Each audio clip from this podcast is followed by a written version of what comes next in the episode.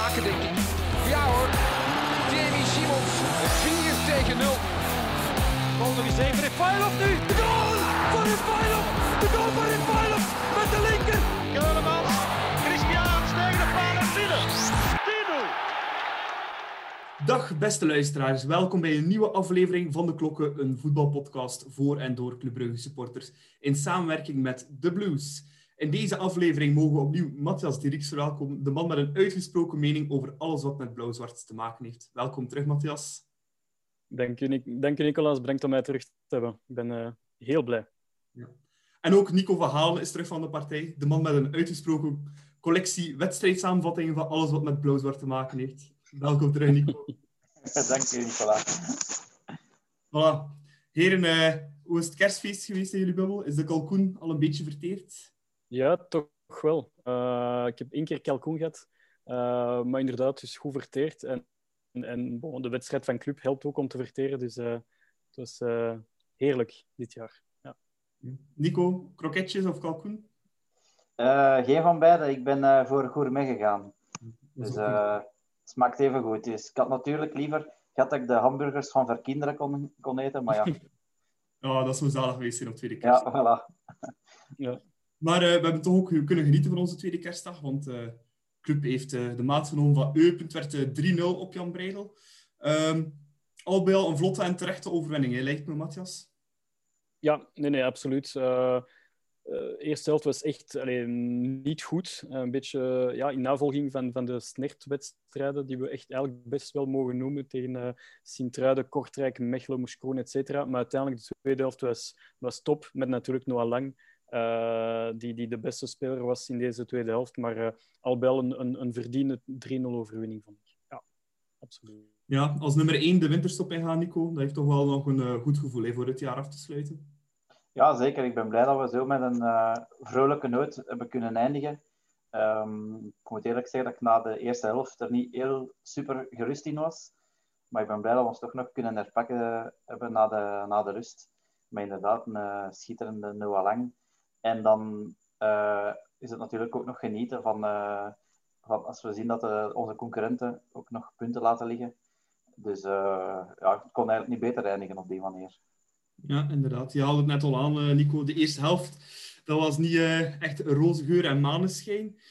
Ehm, ja, hoe komt het dat het zo lang heeft eh, geduurd hè, dat we die 1-0 hebben kunnen maken? Wat liep er fout in die eerste helft? Eh, want onze WhatsApp-groep die stond wel rood gloeiend na 45 minuten. Ja, ik vond het een beetje eh, een typische thuiswedstrijd van dit seizoen, eigenlijk zonder publiek. Eh, want zo hebben we er thuis toch wel iets te veel gezien, vind ik. Zo weinig tempo en grinta. Veel foute keuzes ook en vooral ja, geen kansen. Ehm, we zien natuurlijk ook wel dat er heel wat ploegen zich komen ingraven in Jan Breidel. Dus het is niet altijd even gemakkelijk, denk ik, om zo'n blok eh, te ontwrichten. Ehm, de voorbije jaren lukte dat, vond ik, iets gemakkelijker. Eh, ik denk dat dat ook wel iets te maken heeft misschien met de vormpeil van eh, Hans van Aken, die zo'n blok met ene pas helemaal kan eh, in frut spelen, zoals ze zeggen. Ehm, maar ja, ik zeg het, gelukkig hebben we ons daarna goed kunnen herpakken. En het is dan vrij ironisch dat we eigenlijk Eupen twee keer koud wegpakken op de counter. Dat is een beetje karma, vind ik dan. Maar goed, het was twee keer kans en dan ook nog eh, met zijn tienen toch nog een derde goal kunnen maken ook. Dus eh, ja, perfect. Hè? Ja, Matthias, vorig jaar speelden we tegen, club, eh, eh, tegen Eupen 0-0. Was het een heel eh, bittere pil voor te slikken en een, eh, ja, een zeer frustrerende wedstrijd. Had je even het gevoel dat het ook weer zo ging lopen? Ja, toch wel. Eh, ik denk dat eh, Nico het perfect aanhaalde van Van Aken. Hè. Als het zo helemaal potdicht is, dan verwacht je zo een, een, een geniale paas van Van Aken die, die alles eh ja, openreed, bij wijze van spreken. En in die kwam er totaal niet. En zelfs Van Aken vond ik in het samenspel was ook helemaal afwezig. Eh dat zijn we toch wel niet gewoon van hem. Ehm, een tweede punt is ook zeker en vast de, de balvastheid van een, van een spits. Eh, de ketelaar heeft het voor zijn doen enorm goed gedaan, want het is eigenlijk totaal geen spits. Eh, daarom werd ook Bas Dost gehaald. Maar ehm, ja, te veel spelers die afwezig waren. Ik denk aan een Diatta die na hele goede weken ook amper aanwezig was in deze eerste helft. Vormer stak zich helemaal weg. Ehm, Rika en Matta waren ook niet goed. Uh, dus ja, het was een beetje een mengeling van alles die, die ja, mislukte. En dan zie je plots die tweede helft na, ik denk, 30 seconden, een, een heel goede actie van, van Lang. En meteen Diatta, bijna goal. Dus uh, dan, dan, weet je meteen van, oké, okay, Eupen heeft waarschijnlijk heel veel energie ver, verbruikt in deze eerste helft. Ze hadden ook te maken met heel veel covid- en blessuresgevallen.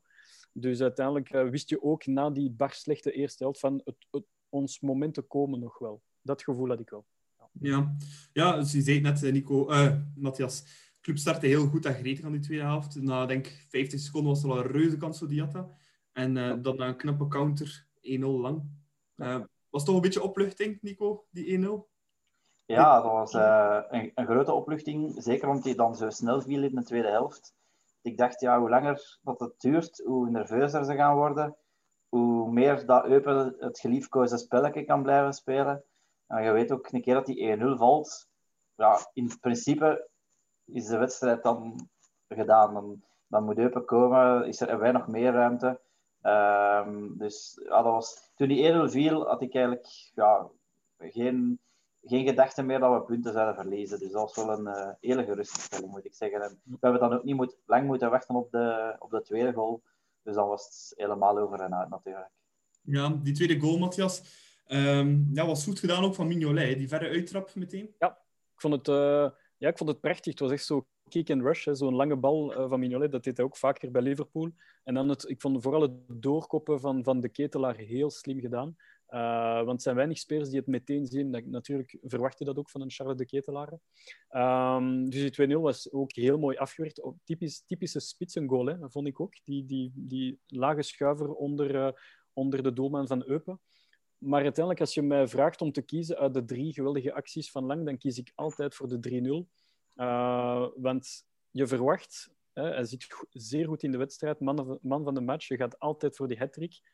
En toch gaat hij voor Okereke, die met een mooie Neymar-hakbeweging, om die toch vrij te spelen. En, en ja, dat, dat getuigt niet alleen van klasse, maar vooral van heel collectief nadenkend werk. Dus um, ja, ik, was, ik vond het helemaal af van, uh, van Noah Lang.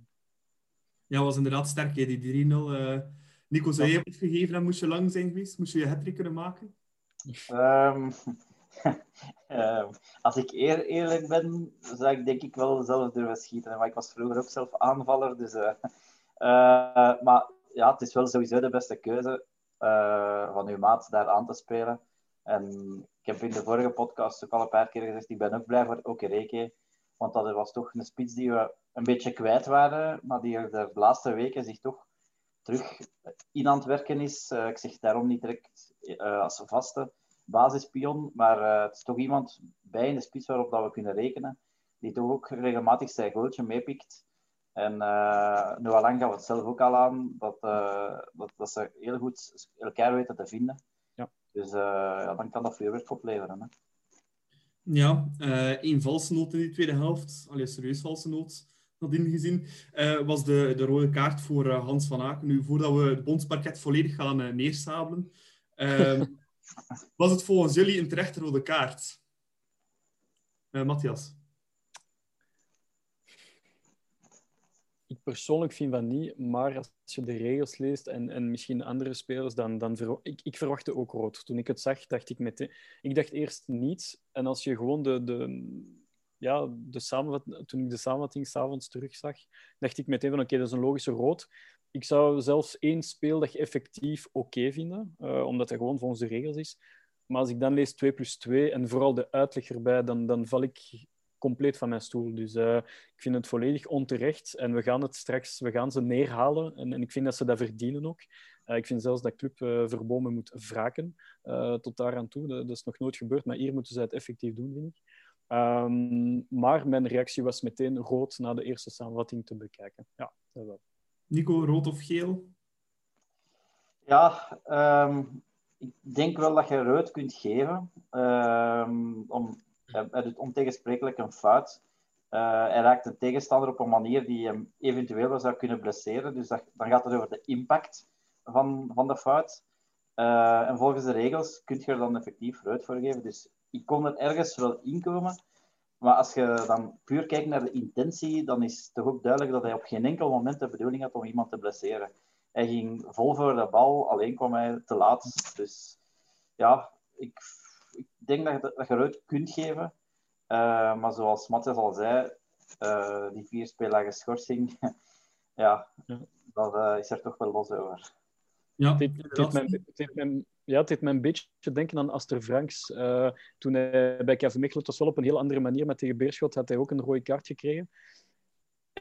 Ik begrijp de reform dat hij, dat hij rood geeft, maar ook totaal geen intentie om iemand te blesseren ik denk ook dat er bij heel veel... Allez, ik denk ook aan die tackle van Coffrier uh, dit weekend uh, tegen, uh, tegen Standaard. Totaal geen intentie om iemand te blesseren, maar als arbiter moet je volgens de regels ook rood trekken. Dus ik snap het, maar natuurlijk geen intentie. Ja, ik moest terugdenken, nog niet zo lang geleden. Faris Haroun moest ik aan terugdenken. Of de fout van Trebel, al een tijdje ja. terug. Um, en ik vind als je dan die fouten vergelijkt, waar er wel intentie is om, uh, allez, om de man te raken, ja, dat vind ik dan toch wel van een ander kaliber, eerlijk gezegd. Ja, nee, klopt volledig. Nu, uh, je zei net al, Matthias de Bond heeft uh, vier speeldagen schorsing gevraagd voor Van Aken. Twee voor de fout en uh, twee voor zijn uitlatingen na, naar de scheidsrechter toe. Weet er iemand van, van jullie twee wat hij exact geroep, geroepen heeft? Ja, ik heb het, ik heb het hier gelezen. Um... Fucking hell. Ja, onnozelaar stond er ook in, blijkbaar. Ja, en met jullie, uh, en... met jullie dwaze regeltjes of zo. Ja, dat is iets van fucking scheidre scheidregels, onnozelaars, fucking hell. Voilà. Ja, ja. Allee, als ik dat al hoor, dan denk ik dat Michel Predom bijvoorbeeld is een tijd uh, elke week twee weken schorsing had moeten krijgen. Ja, en, en ook, allee, je moet niet verder zoeken. Ik denk nu bijvoorbeeld aan Anna Jaremchuk. Die wordt vorige week uitgesloten uh, ik denk dat hij ook wel iets zal geroepen hebben, alleen ze verstaan die man niet. Ja. Is dat nu, allee, nu verstaan goed wat Hans van Aken zegt. Het staat op camera. Maar ik denk, als je bij elke rode kaart kijkt, of zou vertalen wat ze op dat moment zeggen, dan denk ik dat er nog veel twee speeldagen schorsingen gegeven worden. Ja, en wat voor mij ja, wat, wat voor, allee, ik persoonlijk, wat ik echt het ergst van al vind, is uh, de uitspraak van de, van de uh, bondsreglement, dacht ik, of van de, van, de, van de referee department, die zei van kijk, wij willen wat dat er gebeurt hier met Hans van Aken als een soort van voorbeeld stellen, een statement maken. Dan denk je, Hans van Aken, drie of vier rode kaarten in heel zijn carrière. Ja. jongen maakt nooit fouten. Oké, okay, hij mekkert wel veel, dat is, dat, is, dat is absoluut waar. Maar om hier een voorbeeld te maken, een clubspeler natuurlijk, een, een monument, uh, vice-kapitein, alles erop en eraan. Ik vind het echt... Uh, allez, daar val ik nog het meest van achterover. Um, de uitleg van, van, de, van het referee department achter, achter uh, de, de vier speeldagenschorsing. Ja. Ja. ja, en het feit dat ze ook zeggen dat Van Aken een voorbeeldfunctie heeft, dat hij daardoor misschien zwaarder gestraft wordt, dat is toch gewoon letterlijk toegeven dat je met twee maten en twee gewichten aan het werken bent. Ja, dat slaagt op niks. Hè? Ja. Oh, ja. slaagt op niks.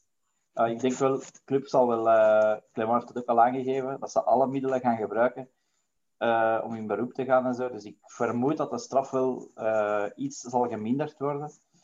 Uh, maar, maar goed, ja, wat ze nu voorstellen. Ik, van tijd komen daar zo van die straffen uit, gezegd. Toen mij een beetje denken aan Malinowski. Ja. Twee seizoenen geleden. Er was daar zeven of acht ja. speeldagen. En uiteindelijk naar nul gezet. Dus allee, dat zal nu het geval niet zijn, denk ik, dat ze naar nul, naar nul gaan zetten. Maar het zal toch wel allee, minder veronderstelling. Ja, en we, gaan, en we gaan mogen blij zijn uiteindelijk met twee speeldagen effectief. En, en dat tart gewoon elke verbeelding. Dat we uiteindelijk blij zijn met twee speeldagen effectief voor zoiets. Allee, ja. Ja, nou, ik, ik, persoonlijk zou ik zeggen één speeldag effectief. En daar, allee, dat lijkt mij een maximum dat je kan geven voor zo, zoiets. Ja. Ja, ja. compleet mee eens. Dat lijkt mij uh, het logische. Nu ja, Hans van Aken zelf was ook wel niet aan zijn beste partij bezig. Dus uh, misschien dan uh, Charles de Ketelaar om zich dan een keer te bewijzen op die positie. Ja, daar kijk ik eigenlijk wel naar uit. Als, allee, op voorwaarde dat Clement het, het probeert natuurlijk. Maar uh, als dan Bas Dost in de ploeg zou komen op Sint-Truiden, de eerste, eerstvolgende wedstrijd, dan kan dat misschien wel eens geprobeerd worden, denk ik, van, van, van Noah Lang naast Dost te posteren en Charles inderdaad meer op de nummer 10. En daar ben ik toch wel heel benieuwd naar eigenlijk.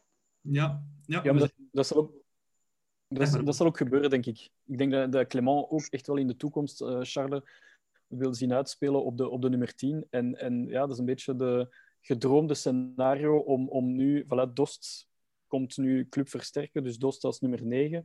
Uh, blijkbaar wil Clement ook absoluut zijn 4-3-3-systeem uh, um, opleggen bij club.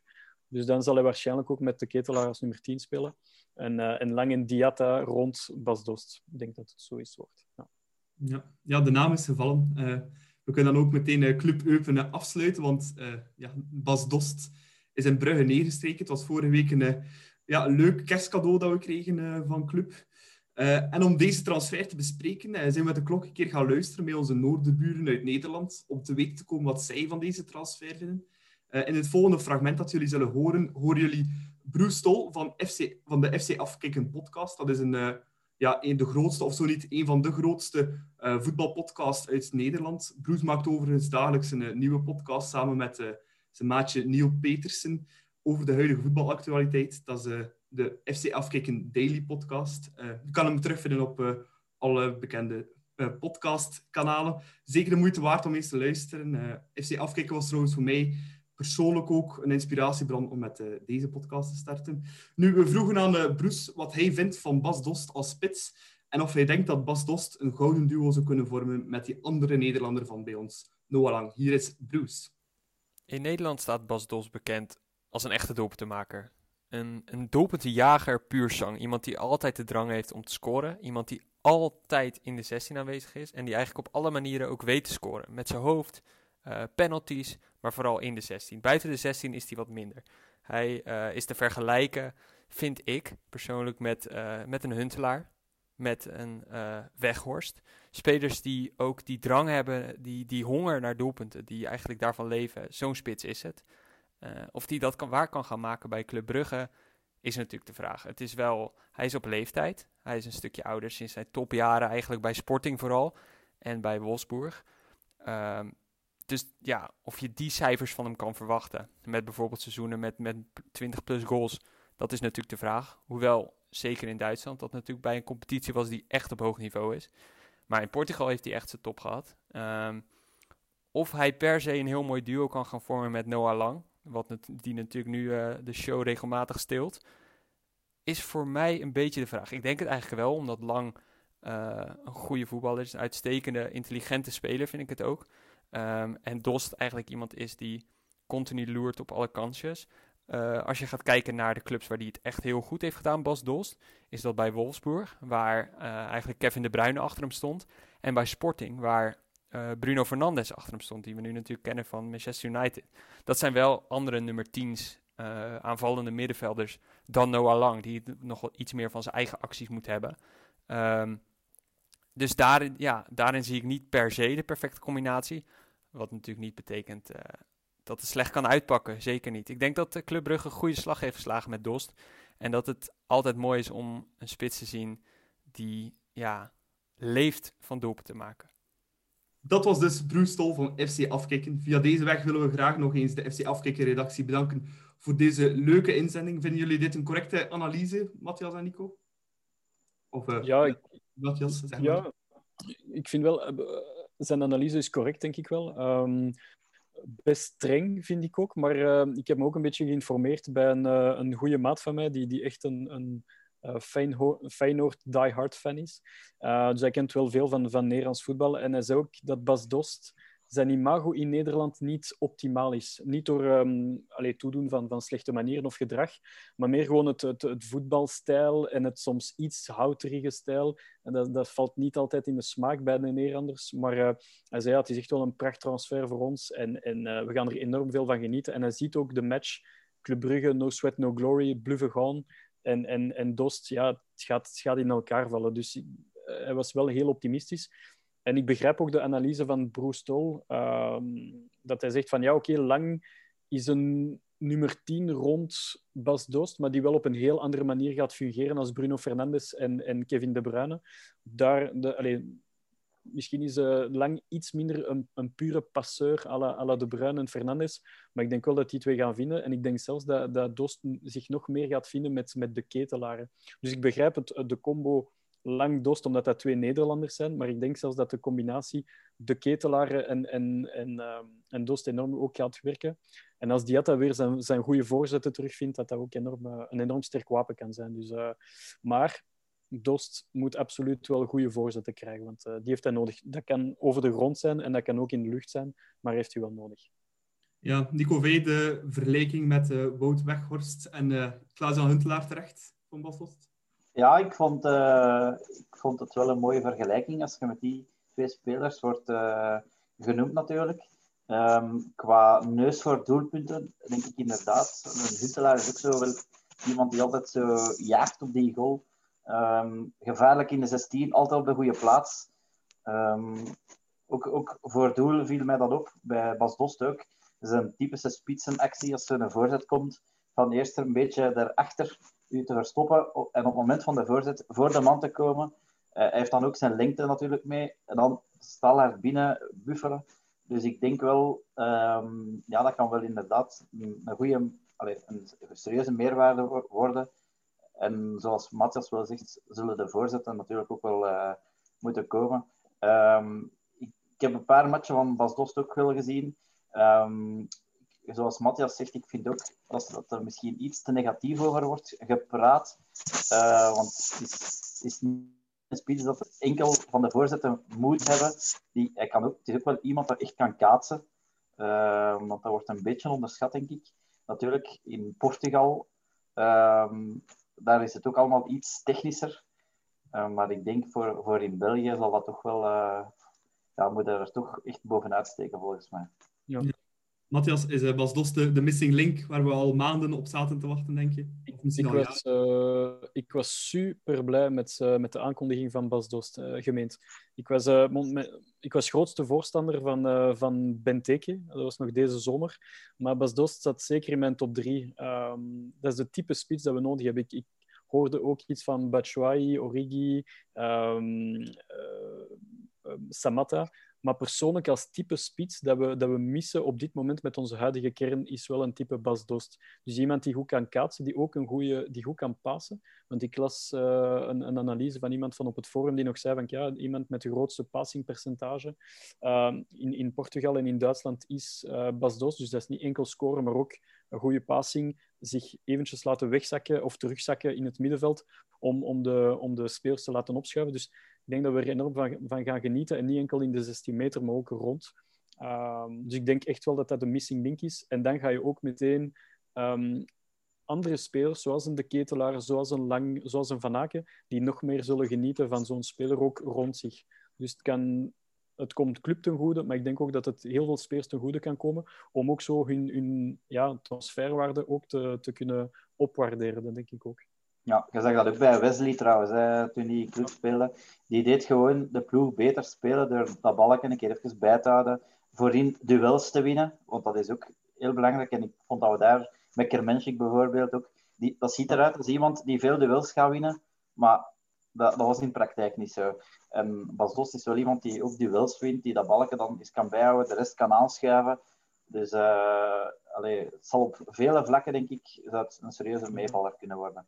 Wat ik ook fantastisch vind, dat is zijn, dat zijn manier van vieren. Hè. Ik weet niet of dat je gezien hebt, maar bij al zijn goals, die, ja. die, die viert op een heel explosieve, uitbundige manier. Ja. En uh, ja, ik, ik, ik heb dat wel graag, zo spitsen die wanneer dat ze scoren oprecht blij zijn en die iedereen erbij betrekken en zo. Dus uh, ja, ik kijk echt wel uit naar die eerste match van uh, Dost. En blijkbaar heeft hij altijd gescoord tijdens zijn eerste match bij een club. Dus ik hoop dat hij dat, dat hij dat tegen STVV op 10 januari... Ik hoop dat ik niet zit te jinx, jinxen hier momenteel, maar uh, laat ons hopen dat hij scoort op uh, STVV. Ja. ja, van Nederlanders wordt vaak gezegd dat ze een grote mond hebben, maar bij Bas Dos mag je dat redelijk letterlijk nemen. Hè. Als hij een doelpunt scoort, met zijn mond volledig open. Ja. nee, wat dat Bruce ook zei daarnet, en dat klopt ook wel, hij is wel al 31 jaar. Is dat niet een beetje gevaar? Ja, ja ja, nee, ik vind je kunt altijd kiezen voor een jong talent met veel potentieel. Uh, zoals de naam van die Amerikaan Dijk, die plots opdook. Uh, ik heb daarvan ook beelden gezien en ik zou op zich ook een goede keuze gevonden hebben. Maar het blijft wel altijd een gok. En ik denk dat Club nu vooral nood heeft aan een zekerheid. En dat is Dost toch uh, absoluut. Als je 32, 233 goals en 52 assists eh, in 450 wedstrijden kunt op je naam zetten, dan, ja, dan kun je er wel eens mee thuiskomen, denk ik. Ja, ik had, ik had ook zo bij het, gevoel bij de transfer van Dost een beetje hetzelfde gevoel als bij Mignolet. Uh, meer het gevoel van, oké, ze hebben gefaald, hè, zo kunnen wij het zeggen, met uh, Redzai, Kermenchik, um, wie mis ik nog allemaal? Okereke moet zich nog bewijzen, maar ik geloof er nog altijd sterk in. Maar ze hebben al heel veel geld uitgegeven, meer, ongeveer 25, 26 miljoen. De keepers, met Gabulov, met Horvat, we hebben heel veel keepers gekend twee, de, de voorbije twee jaar. En dan plots kom je af met een naam, iemand met een goede cv. En dan weet je meteen, oké, okay, nu hebben zij gewoon de twijfel eruit gehaald en gewoon voor een certitude geweest. En dat gevoel heb ik nu bij Bas Dost, zoals bij Mignolet. Dat is gewoon, je koopt iemand aan voor veel geld. Niet enkel het, het uh, aankoopgeld, maar ook het salaris. Maar ik denk dat de return die je gaat krijgen, is, is evenzeer uh, belangrijk. Dus uh, ja, goede keuze. Denk dat ook. Plus, plus dat ik dan ook denk dat iemand als Badji ondertussen in de achtergrond verder kan groeien. Heel veel kan opsteken, denk ik ook, van, van Dost. Dus ik denk dat dat ook op dat vlak wel uh, belangrijk kan zijn. Ja, en ik denk ook persoonlijk Dost. Alleen met zijn leeftijd, hij mag dat wel 31 zijn. Maar um, allee, veel spelers die ouder worden, verliezen snelheid en explosiviteit. Maar dat is nu net iets waar Bas Dost het niet van moet hebben. Ja, voilà. Dus, uh, ik denk op FIFA is hij maar 49 snelheid. Om maar eventjes te kaderen. Dus uh, allee, ja, ik denk dat hij enkel maar beter kan worden, ook al met ouder te worden. Uh, ja, en, en Bon, 31, allee, we gaan het ook niet te oud maken. Ik bedoel, hij kan nog zeker drie jaar op, op hoog niveau spelen. En zeker in België. Uh, dus ik denk dat gaat ons Europees heel veel bijbrengen. Zeker tegen Kiev in februari. En, uh, maar in de Jupiler Pro League, uh, ik denk dat hij daar altijd zijn manager moet staan. En, en ook tonen van, kijk, ik ben gewoon beter als de meeste verdedigingen in België. Dus ik zie het zeker goed komen. Ja. Ja, het enige waar we misschien nog een beetje moeten op hopen, is dat hij geen blessures kent. Want ja. toch gezien dat hem af en toe wel een tijdje uit is geweest al in het verleden met, met blessures. Um, ja, dat is toch iets waar we wat geluk zullen mee moeten hebben. Ja, ja. inderdaad. Nu, nu dat Bas Doster is, um, blijkt of is het verhaal van uh, onze andere Tsjechische spits, Michael Kremenchik, wel helemaal over bij club. Um, waar denken jullie dat hij naartoe moet gaan deze winter? En uh, hoeveel gaan we daar nog van kunnen recupereren van die 6,5 miljoen die we vorig jaar hebben uitgegeven, denk jullie? Um, ja, ik, ik, heb, had gelezen dat er uh, een akkoord zou zijn met club voor Beziktas, uh, heb ik gelezen. Maar ik weet nu niet of dat het intussen nog, nog hoeveel dat het staat. Dat het over een uitleenbeurt zou gaan.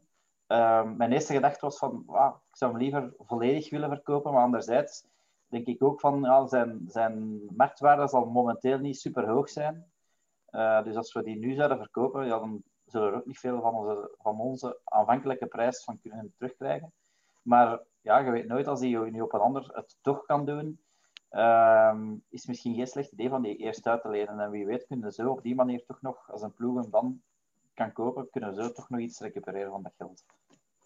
Ja. Ja, dat is waar. Ik heb uh, een beetje hetzelfde gevoel als jou, Nico. Um, ik denk dat hij zeker moet vertrekken deze winter, want nu blijven heeft totaal geen zin meer. Um, zeker met, met uh, uh, Badji, Okereke, Dost, eventueel Dennis als hij blijft. Dus allee, concurrentie en, en Clement pakt hem zelfs niet meer op in zijn, in zijn selecties. Dus dat zegt ook alles.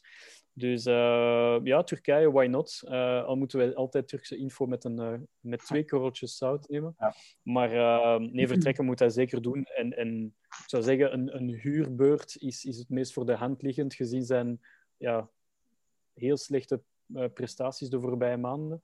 En, en stel dat hij tussen januari en, en mei een goede periode slaat bij een andere ploeg, dan kan je, zoals je zegt, Nico, uh, hem voor 2, 3 miljoentjes misschien verkopen. Maar uh, ik denk niet dat we ooit zelfs de helft gaan terugkrijgen van hetgeen dat we, dat we hebben geïnvesteerd, spijtig genoeg. Ja, dat is jammer. Maar bon, om deze uh, toptransfer helemaal te beslechten, heb ik ook nog een leuke mini-Bas Dost quiz voor jullie georganiseerd. Uh, om zijn beurt te vragen over Bas Dost en wie dat het einde van de vijf vragen, wat zijn er vijf, de meeste juist heeft, is officieel de grootste Bas Dost-kenner onder ons. Uh, wie wil er beginnen van jullie twee? Dat is gelijk.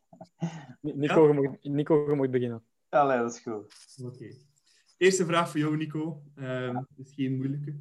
Uh, maar wat was de eerste profclub van Bas Dost? Ehm, Als je de vraag fout hebt, gaat hij naar Matthias. Hè?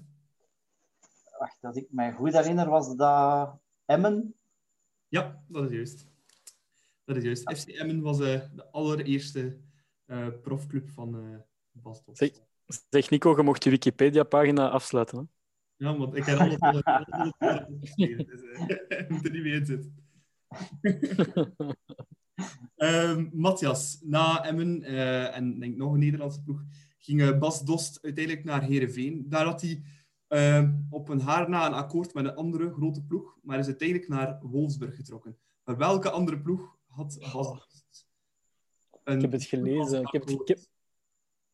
Ja, ik, ik, heb het, ik heb het gisteren gelezen. Um, welk, welke... Um... Was het ook in Duitse competitie? Uh, nee, dat kan ik al zeggen. Dat is één tip dat ik geef, dat is geen Duitse ploeg. Uh, nee, ik ga passen. Nico, weet jij het antwoord? Uh, was dat niet Liverpool? Nee? Nee, helaas. Het was Ajax Amsterdam. Tuurlijk. Ah, ja. ik, heb het nog gisteren gelezen. Ja. Momenteel 1-0 voor Nico, na twee vragen. Volgende vraag opnieuw voor Nico. Uh, met welk rugnummer speelde Dost bij Sporting Lissabon? Oei, oei. Uh, goh, ik, ik heb die beelden gezien, hè, om de dikke. Ja, ik heb, Ehm, opnieuw gezien. ik heb er pas op één op gelet. Dat, ik, heb pas, ik heb alle beelden, alle goals opnieuw gezien van Dost bij uh, Lissabon. Ja, ik heb ze gezien, maar... Goh, 26 of zo? Nee, ik weet niet meer. Nee, je zit er wel heel dichtbij. Ja, het zegt mij iets, maar ik, ik weet niet meer zeker. Matthias, weet jij het antwoord? Ja, We zitten nog even op YouTube te zoeken nu. Nee, Ja. nee, nee, nee, nee, nee, nee, ik wist het. Ja. Echt waar. Nee, 28. 28. Oké, 1-1. Spannend, spannend. Eh, volgende vraag, opnieuw eh, voor eh, Nico. Bas Dots heeft ook een hele lange tijd in Portugal gespeeld, bij Sporting Lissabon. Maar ehm, ik denk na één seizoen, op het einde van, een- van een seizoen, heeft hij een verzoek ingediend voor Sporting Lissabon te verlaten. Waarom was dat? Dit is, dit is voor Matthias, denk ik, de vraag. Ja, ja, ja, het is voor mij juist. Ah. Ehm, de re- de reden van vertrek is omdat de, mm, er was heel veel fraude bij de, mm, eh, bij de voorzitter en ze betaalden hun spelers nog amper. Dus zijn er heel veel spelers met een transferverzoek aangekomen, waaronder Bas Dost. Hm, Ik kan het niet helemaal goed rekenen. Er zijn Ik come on. nee, ik herinner het mij. Ik heb het gelezen, denk ik. Hij is aangevallen geweest. Ja, klopt. Eh Ja. hij is aangevallen geweest door de ultras van Sporting Lissabon op de training. Eh, Ja. Dus ja, helaas. Is het een half puntje voor eh, allebei? Oh, niks van. Wel streng moeten zijn. Eh, De Erik van Looyen van mij zegt dat Nico het juiste antwoord heeft. Hij verdient het. Oké, en dan van allerlaatste vraag. Ehm, het is een beetje een soort van schiftingsvraag. Ehm, als je alle minuten optelt die Bas Dost ooit heeft gemaakt in zijn carrière en die deelt door het aantal eh, doelpunten dat hij gemaakt heeft, om de hoeveel minuten scoort Bas Dost een goal? Wie er het dichtst bij zit, krijgt eh, twee punten en die wint ook deze Bas Dost mini. Om de hoeveel minuten? is dat nu, denk ik, Nico? Nico maar eerst. Om de hoeveel minuten? Ja, gemiddeld maakt Bas Dost een doelpunt. Ehm, om de 45 minuten. Matthias? 100? Ja, en het is eh, Matthias die er het eh, dichtste bij zit. Ah, Ja, Nico niet 100% goed gerekend heeft, van als hij om de 45 minuten een doelpunt zou moeten maken, dan had het wat 900 moeten zitten, denk ik. ja, ja. ik was iets optimistisch. Ja. Nee, het, is, eh, het juiste antwoord is eigenlijk om de 137 minuten. Dus eh, om de de halve match ongeveer. Dus, eh, nog Werd dat niet, werd dat niet vermeld tijdens extra time recent? dat, zou, dat zou kunnen. Ja. Ik, weet- ik heb niet gekeken de laatste aflevering. Maar Right. En wie is er gewonnen? Eh, ja, aangezien het de laatste vraag is, is het Yes. Matthias die, eh, die hem wint, maar op een heel verdienstelijke tweede plaats, eh, Nico. Ah, proficiat, hè. We zijn ook allemaal iets meer te weten gekomen over onze nieuwe spits eh, Bas Dost.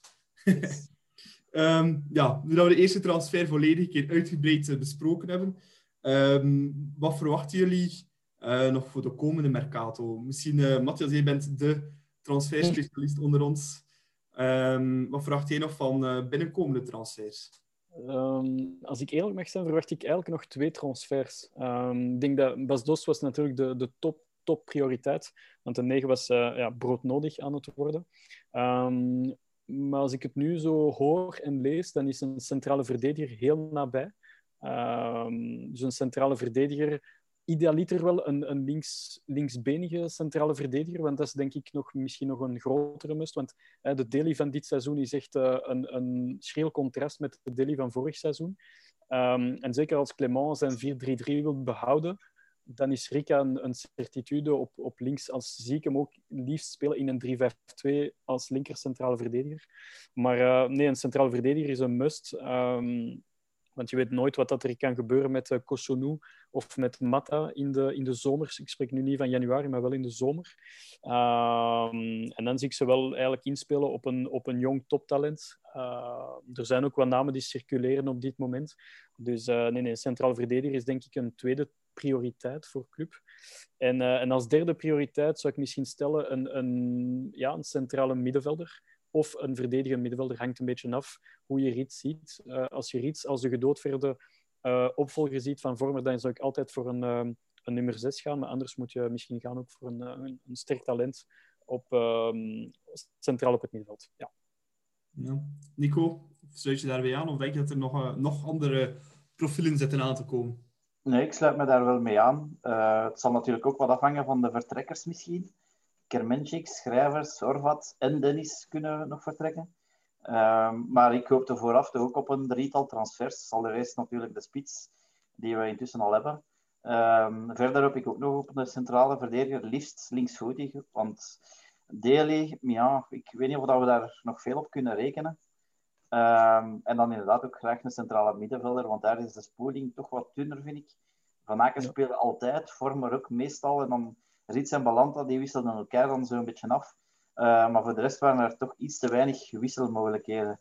Um, dus daar mag voor mij ook wel iets bij, vind ik persoonlijk. Ja, ja je noemde er al een paar, Nico. Uh, maar Matthias, wie denk jij dat er nog allemaal uh, gaat vertrekken? Of zijn er al zekere die gaan vertrekken deze winter, denk je? Goh, Kermenschik voor mij is een zekerheid, want Clement zei nog onlangs als een nieuwe spits bijkomt, dan vertrekt Kermenschik sowieso. Uh, ik vond het wel een straffe uitspraak, maar op zich wel, vond het wel positief dat hij dat zei. Want dat, dat zegt meteen ook, dat geeft ook aan van, kijk, bij, bij Club Brugge wordt er verwacht dat je een minimum aan niveau presteert. Wat Kermenschik totaal niet heeft gedaan sinds zijn aankomst. Misschien een kleine opflakkering tegen Beveren en tegen uh, op. Maar voor de rest hebben we echt een, een slechte versie van, van Kermenschik gezien uh, na zijn uh, kruisbandblessure. Um, dus Kermenschik is een zekerheid. Uh, ik las van de morgen nog Schrijvers en Horvat. die ook bijna certitudes zijn. Alhoewel de Schrijvers wordt ook niet naar de uitgang geduwd, maar ja, ik denk dat hij onder Philippe Clement en, en met zijn huidig niveau van de voorbije twee seizoenen dat hij, dat hij ook het niveau niet haalt van wat er verwacht wordt van een speler van Club Brugge. Um, Schrijvers heeft een heel goed seizoen gedraaid samen met Wesley, samen voorin. Maar dat was ook voor mij de enige goede seizoen dat hij gedraaid heeft. Want onder Clement was het gewoon niet goed gedurende twee seizoenen. Dus uh, ik denk dat Schrijvers een, logische uh, uitgaande transfer is. Ik zie hem liever ook niet vertrekken bij een G5-club van België. Want ik denk dat hij wel zijn goals kan maken bij een Antwerp, bij een Genk, bij een Anderlecht enzovoort. Dus, uh, maar dat is oké, okay, is misschien een beetje egoïstisch gesteld, want je vindt dat hij weg moet, maar uiteindelijk mag hij niet gaan bij een G5-club. Maar, uh, maar Schrijvers zou ik persoonlijk ook niet houden. Spijtig voor de Belgenregels, spijtig voor zijn talent, want hij heeft zeker een vast talent. Maar ik denk net niet genoeg voor een, uh, een topclub als Club Brugge. En, uh, en Horvat zou ik heel spijtig vinden, want Horvat is de gedoodverde tweede doelman achter Mignolet. Altijd. Dat is een beetje gelijk Mignolet met Courtois bij de Rode Duivels.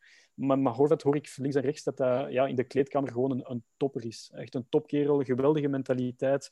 Heel veel sfeer, ma heel veel sfeer maken met alles en iedereen. Uh, hij komt overeen met de Vlamingen, met, uh, met de Afrikanen, met iedereen. Dus uh, ja, ik zou het heel spijtig vinden.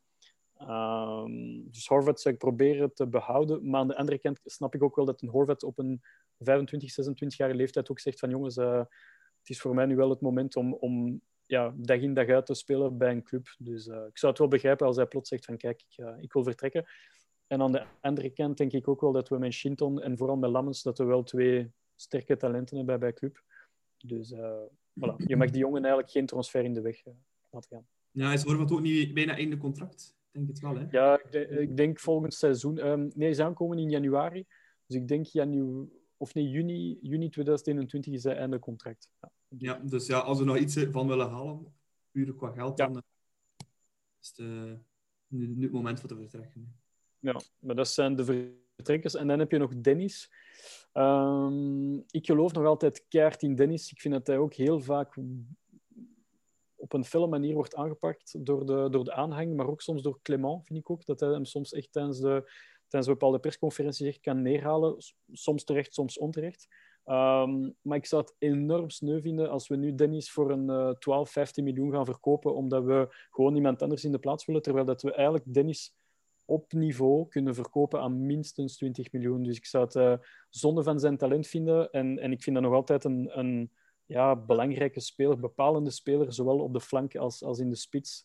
Uh, ik denk een Dennis rond een Dost of, of een Dennis van op rechts. Zoals in de, in de, ik denk altijd aan die, aan die play-offs onder, onder. Dat was gewoon geweldig. Uh, met Dennis op de rechterkant en Diatta op de linkerkant. Dus ik, uh, ja, ik het sneu vinden als we die moeten verkopen. Ja. Maar het is ook zijn eigen gedrag, dus het is een beetje door zijn toedoen ook. Ja, ja inderdaad. Nico, denk jij nog aan andere vertrekkers? Nee, ik denk uh, inderdaad, dat, dat zal het een beetje zijn, denk ik. Uh, Orvat die heeft zelf ook een beetje aangegeven van te willen vertrekken. Heel begrijpelijk natuurlijk. Zeker uh, met de nationale ploeg en zo, toernooien die eraan komen, uh, is dat zeker te verstaan. schrijvers weet ik eigenlijk niet zo goed. Wilt hij nu zelf vertrekken of niet? Ik vind dat, dat hij, lijkt me iemand die, die wel tevreden is met hoe dat het gaat, maar dat is natuurlijk, kan maar schijn zijn. Um, maar ik vind wel dat het de laatste keren dat hij mocht invallen, dat er ook niet veel uitkwam voor te zeggen, nu ga ik mij eens laten zien. Um, het was een beetje berusting, vind ik, in, in, in zijn situatie. Um, ja, zoals Matthias zegt, ik, zie hem, ik vind ook wel dat hij talent heeft, ontegensprekelijk. Alleen is, is, vind ik, alleen in een bepaald systeem komt hij goed tot zijn recht, bij, bij zoals bij Leko. Uh, achter een sterke man, Wesley, dan komt hij helemaal tot zijn recht. Dus ik denk uh, inderdaad, als dat een Belgische ploeg is, ik denk nu bijvoorbeeld aan Antwerpen, achter een Bocani of zo, denk ik dat dat, dat, dat wel zou, zou werken. Dus ik hoop eigenlijk ook wel dat, dat, uh, dat schrijvers niet naar een Belgische ploeg gaat. En Dennis, ja, dat is inderdaad... Uh, ik, ik ben ook wel fan van Dennis, maar ik, ja, ik denk ook dat, dat is het type speler als die in zijn gedachten heeft van ik wil weg, ja, dat het misschien ook minder, allez, minder laat zien op het veld. Uh, zijn, allez, hij heeft het inderdaad in zich, in zich om, om, om, om een goed niveau te halen, maar als de, ik denk dat de motivatie een beetje ontbreekt bij hem. En ja, ja ik, ik, ik, vrees dat we hem toch zullen ver, verkopen met uh, minder dan wat we gedacht hadden qua budget. Ja, Oké. Nu, uh, zoals bij elke transfermercato hebben wij een uh, vast rubriekje dat we altijd inroepen. En die is nu in januari, of ja, we zijn nu eind december. Uh, dat is de Fantasy Mannaert. Um, bij de Fantasy Mannaert proberen we elk een, onze geliefde Vincent Mannaert een beetje te helpen door een speler voor te dragen van wie dat we vinden dat hij de komende mercato naar club zou moeten komen. Um, en ik ga onze Mr. Transfer, Matthias, de kop laten afbijten. Ja, ik heb gekozen voor een, uh, een binnenlandse speler en een buitenlandse speler. Um, en ook op, op twee posities waarbij dat we zeker iemand kunnen, kunnen gebruiken. Dus ik heb uh, voor binnenlandse transfer, ik heb altijd gedacht aan realistische uh, spelers. dus niet een speler van een concurrent die we voor een veel te hoge prijs gaan moeten betalen. Dus ik ben gegaan voor um, Aurelio Buta van, van Antwerpen. een geweldige speler. Hij heeft mij altijd overtuigd. Um, kan je inschakelen, op rechtsback en op uh, de, de rechterwing. Dus uh, dat is een speler die mij enorm aanspreekt. Um, hij kan de hele lijn uh, uitspelen. En, um, en dat is een speler met een heel goede voorzet. een Dost zou bijvoorbeeld optimaal renderen onder, een, onder die voorzetten van Boeta, dus daar geloof ik wel in. En hij speelt vaak, maar niet altijd onder Leko. Dus Leko is er niet per se fan van. Hij laat ook vaak Miyoshi spelen. Nu, om de, Leko zal waarschijnlijk naar China gaan, dus misschien gaat de nieuwe coach uh, Boeta wel als een, uh, een, een titularis zien. Maar ja, Boeta vind ik echt wel een, een goeie. En, um, en buitenlandse speler heb ik gekozen voor Joey, Joey Veerman. Hij stond dan heel nadrukkelijk, of er was heel duidelijke interesse van club deze zomer. Joey Veerman is zo'n typische box-to-box speler. Um, speelt bij Herenveen. Um, heel veel balrecuperaties. Komt ook vaak, allee, is heel vaak in de 16 meter ook om, om te koppen of, of twee, uit tweede lijn gewoon te scoren. Um, zou ook heel goed passen, denk ik, bij, bij onze ja, no sweat, no glory mentaliteit. En uh, ja, zo helemaal in de lijn zitten met transfers à la Dost en Lang, et cetera. Dus uh, ja, een Joey Veerman, zie, ik, ik wel zitten. Dat is ook een heel jonge kerel, ik denk amper 22 jaar. Heel veel potentieel. Um, er is ook duidelijk interesse van de top 2, top 3 in Nederland. Dus ik denk dat we zeker uh, kunnen, kunnen concurreren met een Ajax of een PSV. Um, dus voilà, bij deze Joey Veerman, en is ook, ik denk ook aan een realistische prijs dat we die kunnen halen. Dus uh, ik denk dat dat ongeveer een vlapprijs gaat zijn. Uh, maar iedereen weet dat Veerman gewoon uh, drie à vier keer sterker is dan Michel Vlap. We komen wel van dezelfde ploeg. Hè. Um, Nico, ja, ja, dat wel. Nico, wie is jouw uh, fantasy manaard van deze week? Wel, ik, ik ga ook voor een centrale middenvelder. Um, dat ik, zo, dat was een van de drie posities dat ik daar straks al aangaf, dat ik vind dat we moeten versterken. Um, ik zou gaan voor Brian Heijden. Ik vind die die speelt redelijk onopvallend, maar ik heb nu al een paar wedstrijden van Genk gezien. En dat is wel een heel, een, heel nuttige speler die heel belangrijk is voor Genk. Het is ook niet toevallig dat Genk is beginnen draaien sinds dat hij terug in de ploeg staat. Um, het is ook een Belg, dat is misschien niet onbelangrijk, moest Sieve Schrijvers bijvoorbeeld vertrekken. Um, heeft met Clement gewerkt en, en was ook een serieuze voorstander van, van uh, Brian Heijnen.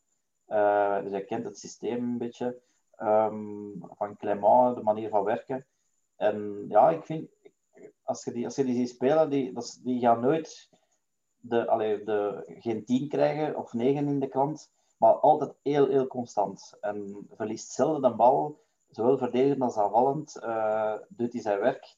Um, dus ik denk dat, dat wel iemand is die bijvoorbeeld uh, Ruud Vormer een beetje kan aanjagen. Um, om een beetje concurrentie in de ploeg, om elkaar een beetje te laten rusten. Dus voor mij Brian Heijnen. Ja, leuke, leuke speler, fantasy mannen speler. Ik zelf heb gekozen voor misschien een iets voor de hand liggende speler. Um, dat is Nicolas Raskin. Heel mooi voornaam ook. nee, is een speler van Standaard, 19 jaar. Um, ja, toptalent um, bij de Roesjes.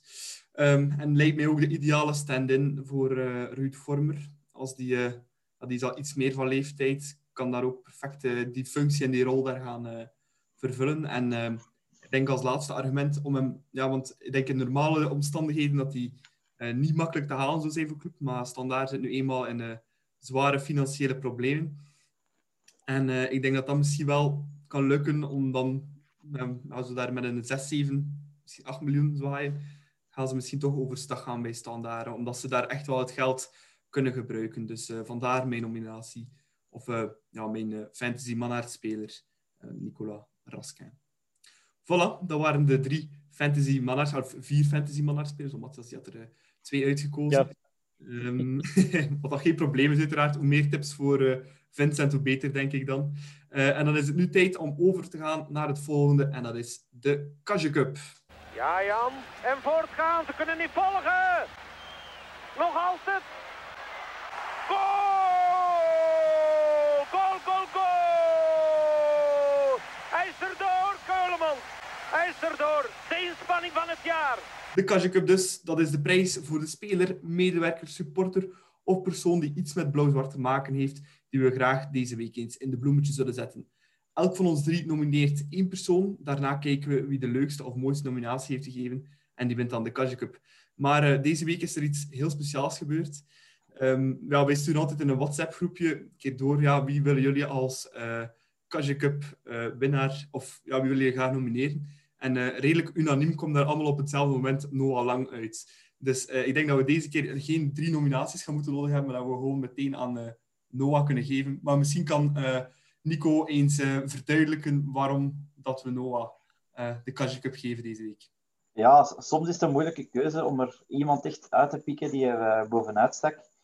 Maar dat was nu dus niet het geval. Ik denk dat het duidelijk is dat Noah Lang, die meer dan dik verdient, hij heeft er onze laatste weken vaak doorgesleurd. En dan hebben we het beste allicht nog niet gezien. Um, hij toont heel veel van zijn kwaliteiten. Uh, hij ziet het, hij heeft de techniek. Um, hij, heeft goede looplijnen ook. En, en zijn afwerking is ook, is ook heel goed. Als je ziet, inderdaad, Matthias gaf het ook al aan, hoe hij die, die kansen afwerkt. Ja, dus uh, hij heeft ons eigenlijk op veel momenten al erdoor gesleurd. En ik denk dat hij dat nog vaak gaat doen dit seizoen. Dus ja, een uh, hele gemakkelijke keuze deze keer. Ja, Matthias, wat kan je daar nog aan toevoegen? Ja, het is... Um, ik denk dat het sinds uh, Perisic dat ik uh, opnieuw een speler zie spelen dat ik denk van oké, okay, de instant meerwaarde is zo duidelijk. Um, ja, het is, het is op alle vlakken onversneden klasse, uh, passing, scoren, mentaliteit. Ik las heel veel artikels uit Nederland van ja, het is een moeilijke jongen, moeilijk gedrag. Um, ja, niet altijd professioneel bezig ook met zijn vak, met voetbal. Uh, maar ik zie ja, op dit moment hout vasthouden, maar ik, ik zie het helemaal niet wat, dat, wat dat, uh, de kritiek vanuit Nederland kwam. Dus, uh, en ik vond het heel spijtig dat de Belgische pers het een beetje gewoon lukraak heeft overgenomen zonder zich echt te factchecken. Dus dat vond ik ook heel spijtig. Maar nee, Noah Lang is, is al weken en maanden heel goed bezig. Ik zag nog een, een samenvatting van drie, vier minuten op YouTube van zijn ja, van zijn voorbije twee maanden bij club. En dat is gewoon uh, ja, hallucinant wat dat hij allemaal gedaan heeft in onze competitie, maar ook in de Champions League. Ik denk aan die wedstrijd tegen Zenit, um, waar hij het verschil maakt op zijn eentje. Dus uh, nee, nee, fantastische speler. Uh, ik hoop dat we hem nog heel lang gaan mogen, gaan mogen zien. en, en hopelijk niet enkel van op televisie, maar ook in live. Want ik, ik zou dolgraag echt uh, Noah Lang willen, willen toeschrijven echt in het stadion. Want zo'n jongen gaat, denk ik, in mijn opinie nog beter worden met, met uh, 30.000 zotte supporters die hem, uh, ja, die hem toeschrijven. Dus uh, voilà. Noah Lang verdient, ja, gewoon oververdient de, de, de Casual Cup.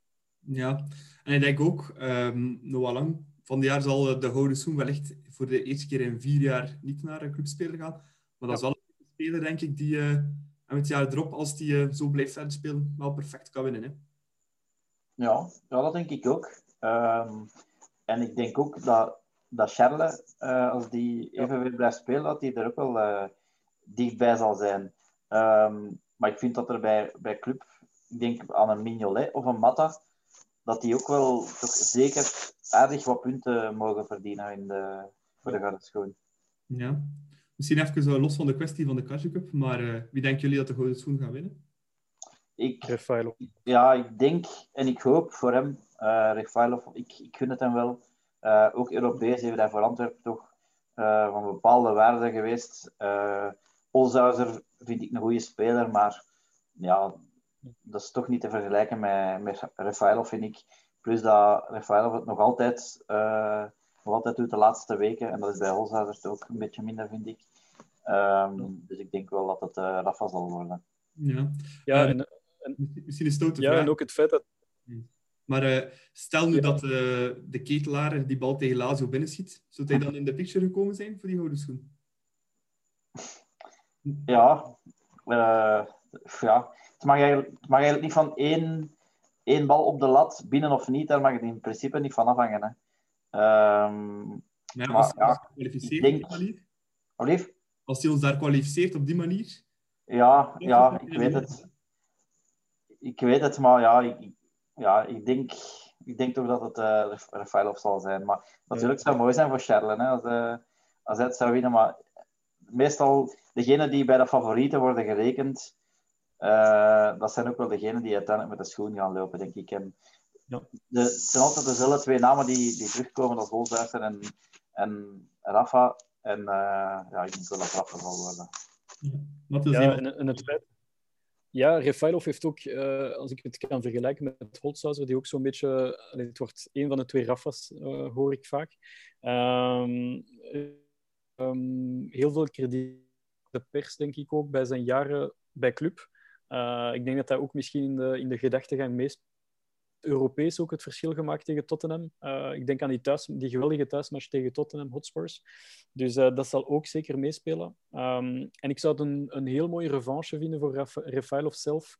Na die jaren waar, waarbij dat een beetje in de schaduw, schaduw lag van, uh, van Vasquez. Bij Club was het altijd Vasquez, Vasquez, Vasquez. En Vasquez was een van de meest ja, geniale spelers die ik ooit heb gezien spelen bij Club. Maar Refailov was, was meer efficiënt. En um, ja, ik zou het heel mooi vinden mocht, mocht Refailov de, de gouden schoen winnen. Ik ben altijd fan geweest en die, ja, die goal tegen Anderlecht zal ik, zal ik nooit vergeten natuurlijk. Maar uh, nee, Refailov zou een mooie winnaar zijn.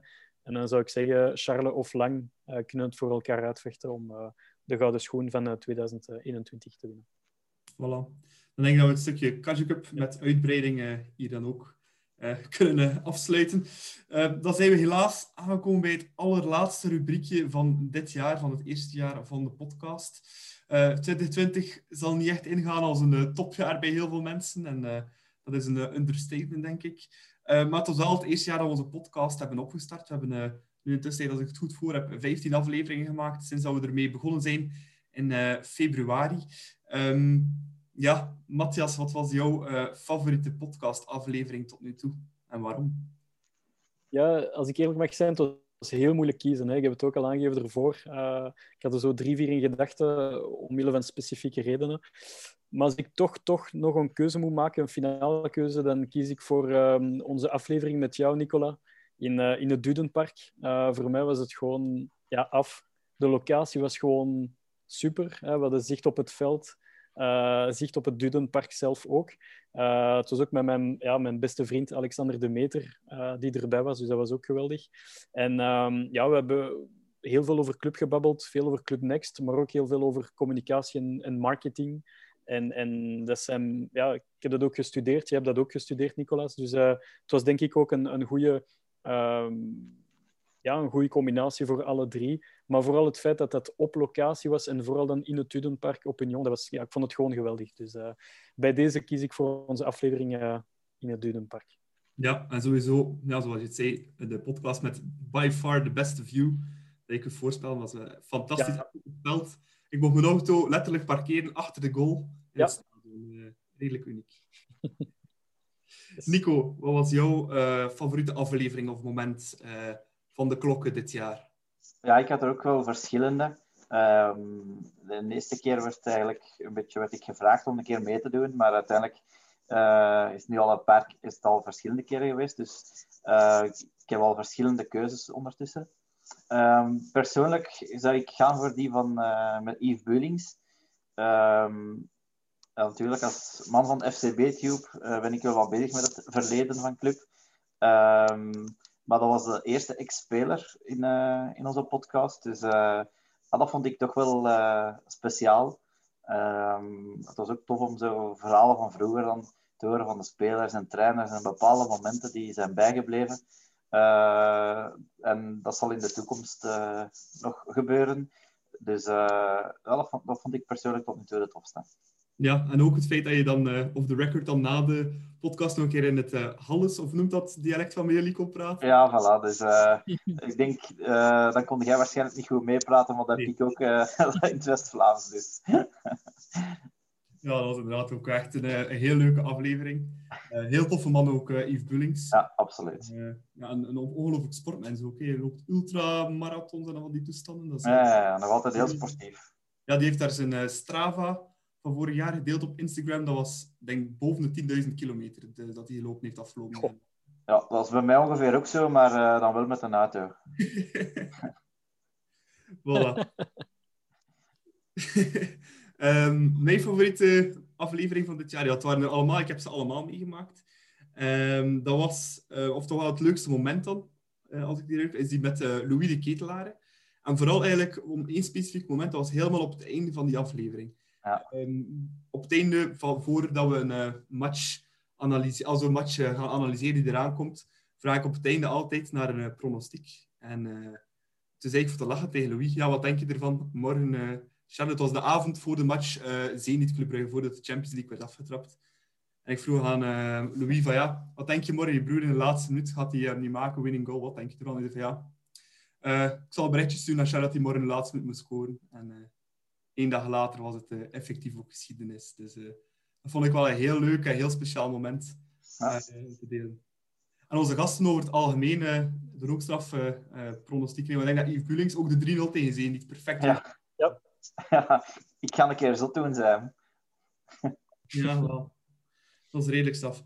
Nu, uh, mannen, in elk geval heel erg bedankt voor de, de leuke fragmenten en de leuke herinneringen voor uh, dit jaar alvast. We gaan volgend jaar uh, alleszins doordoen. Nu, om zo'n fantastisch eerste jaar van de podcast te eindigen, zou ik wel graag ook een paar mensen willen bedanken die deze podcast hebben mogelijk gemaakt. eerst en vooral zou ik Birger en Stefanie van de Blues willen bedanken om mede opzet te doen voor deze podcast. En ja, een ehm, ja, want zonder hen was er wellicht nooit een De Klokken podcast gekomen. Um, ten tweede zou ik ja, ons volledige vaste panel willen bedanken. Dat zijn uh, Nico, Matthias, Jonas en Quentin. en ten derde zou ik ook ja, alle gasten willen bedanken die de revue zijn gepasseerd. Er zijn er ook een heel aantal. we hebben onder andere Johan de Kaluwe van Sporza gehad, Alexandre de Meter van Union, Louis de Ketelaar, Thijs Vrijn van FCB Support, Karel de Meester dan ook heel recent uit Yves Bullings, onze eerste ex-speler. Um, en als allerlaatste zou ik uiteraard ook uh, de luisteraars willen bedanken om te luisteren naar onze podcast, want zonder luisteraars is er uiteraard geen podcast. En daarvoor hebben we speciaal voor jullie, voor de luisteraars, nog een leuke kleine verrassing in petto. Voor de eerste aflevering van 2021. Niet waar, Nico? We hebben nog een leuke verrassing. we hebben er nog een leuke gast die we erbij gaan kunnen halen. En omdat Nicolo ervoor gezorgd heeft dat hij in onze podcast komt, mag hij hem nu aankondigen. Ja, ik heb mijn stoute schoenen aangetrokken. En uh, ik heb eens gepost bij een ex-speler um, die in de verdediging stond bij club. Die Jestrovic al dan niet bewust een trap heeft verkocht. um, en die we allemaal kennen onder de naam Biggie. Dus uh, Birger Maartens wordt onze eerste gast van 2021. Voilà. En ik denk dat we daarmee de podcast voor dit jaar heel mooi kunnen afsluiten met Birger Maartens volgend jaar uh, als allereerste gast. Ik denk dat de aflevering op 12 januari zal uitkomen. Dus of dat hij dan effectief ook getrapt heeft bij uh, dat gaan we dan ook te weten komen, denk ik. Ehm, dan is het allerlaatste dat ik ga doen nog Matthias en Nico bedanken om er terug bij te zijn. Heel erg bedankt, mannen. Het was een heel, graag gedaan. Ja, bedankt, Nico, Nicola. En, uh, allez, het is niet om slemmerig over te komen, maar jij ook bedankt, Nicola, voor al het uh, moeite en werk dat je er elke week in steekt. En okay, we zijn er altijd als gastsprekers, maar zonder jou zou het ook niet veel... Alleen, zou er niets gebeuren. Dus bij deze een dikke merci. Ja, ik kan dat beamen. U doet dat heel goed. Alleen spijtig van die twee bonuspunten, dat was nu niet echt nodig. Slechte verliezen. voilà. Met deze leuke noot kunnen we dan de, de podcast afsluiten. Ja, bedankt voor de complimenten. Eh, dat is niet nodig. We doen heel veel plezier. En uh, volgend jaar gaan we er dubbel zo hard tegenaan. Er komen nog heel leuke gasten aan. We hebben nog eentje geannounced, maar uh, de beste is yet. Dat kunnen we al ja, zeggen. Voilà, dan ga ik juist naar de kanalen herhalen. Dat is dat je ons altijd kan mailen op podcast.bluesfcb voor vragen, suggesties en whatsoever kan ons ook volgen op Twitter met de Klokkenpodcast en de Blues FCB en met de hashtag de Klokken. En voor uh, verdere correspondentie uh, verwijs ik jullie graag door naar de Facebookpagina van de, uh, van de Blues. Bedankt voor het luisteren in 2020 en we hopen jullie zo snel mogelijk terug te horen of te zien in 2021. En dat zal op 12 januari zijn met Birger Maartens dus. Dus tot dan. Tweede paal is toch goal! Het is 3-4! Ryan Tom kopt hem erin! Daar is Alderweer en daar is Eidel! Hij gaat die vierde maken, denk ik. Ja hoor, Jamie Simons, 4 tegen 0. Bal nog eens even, Refailov nu! De goal! Van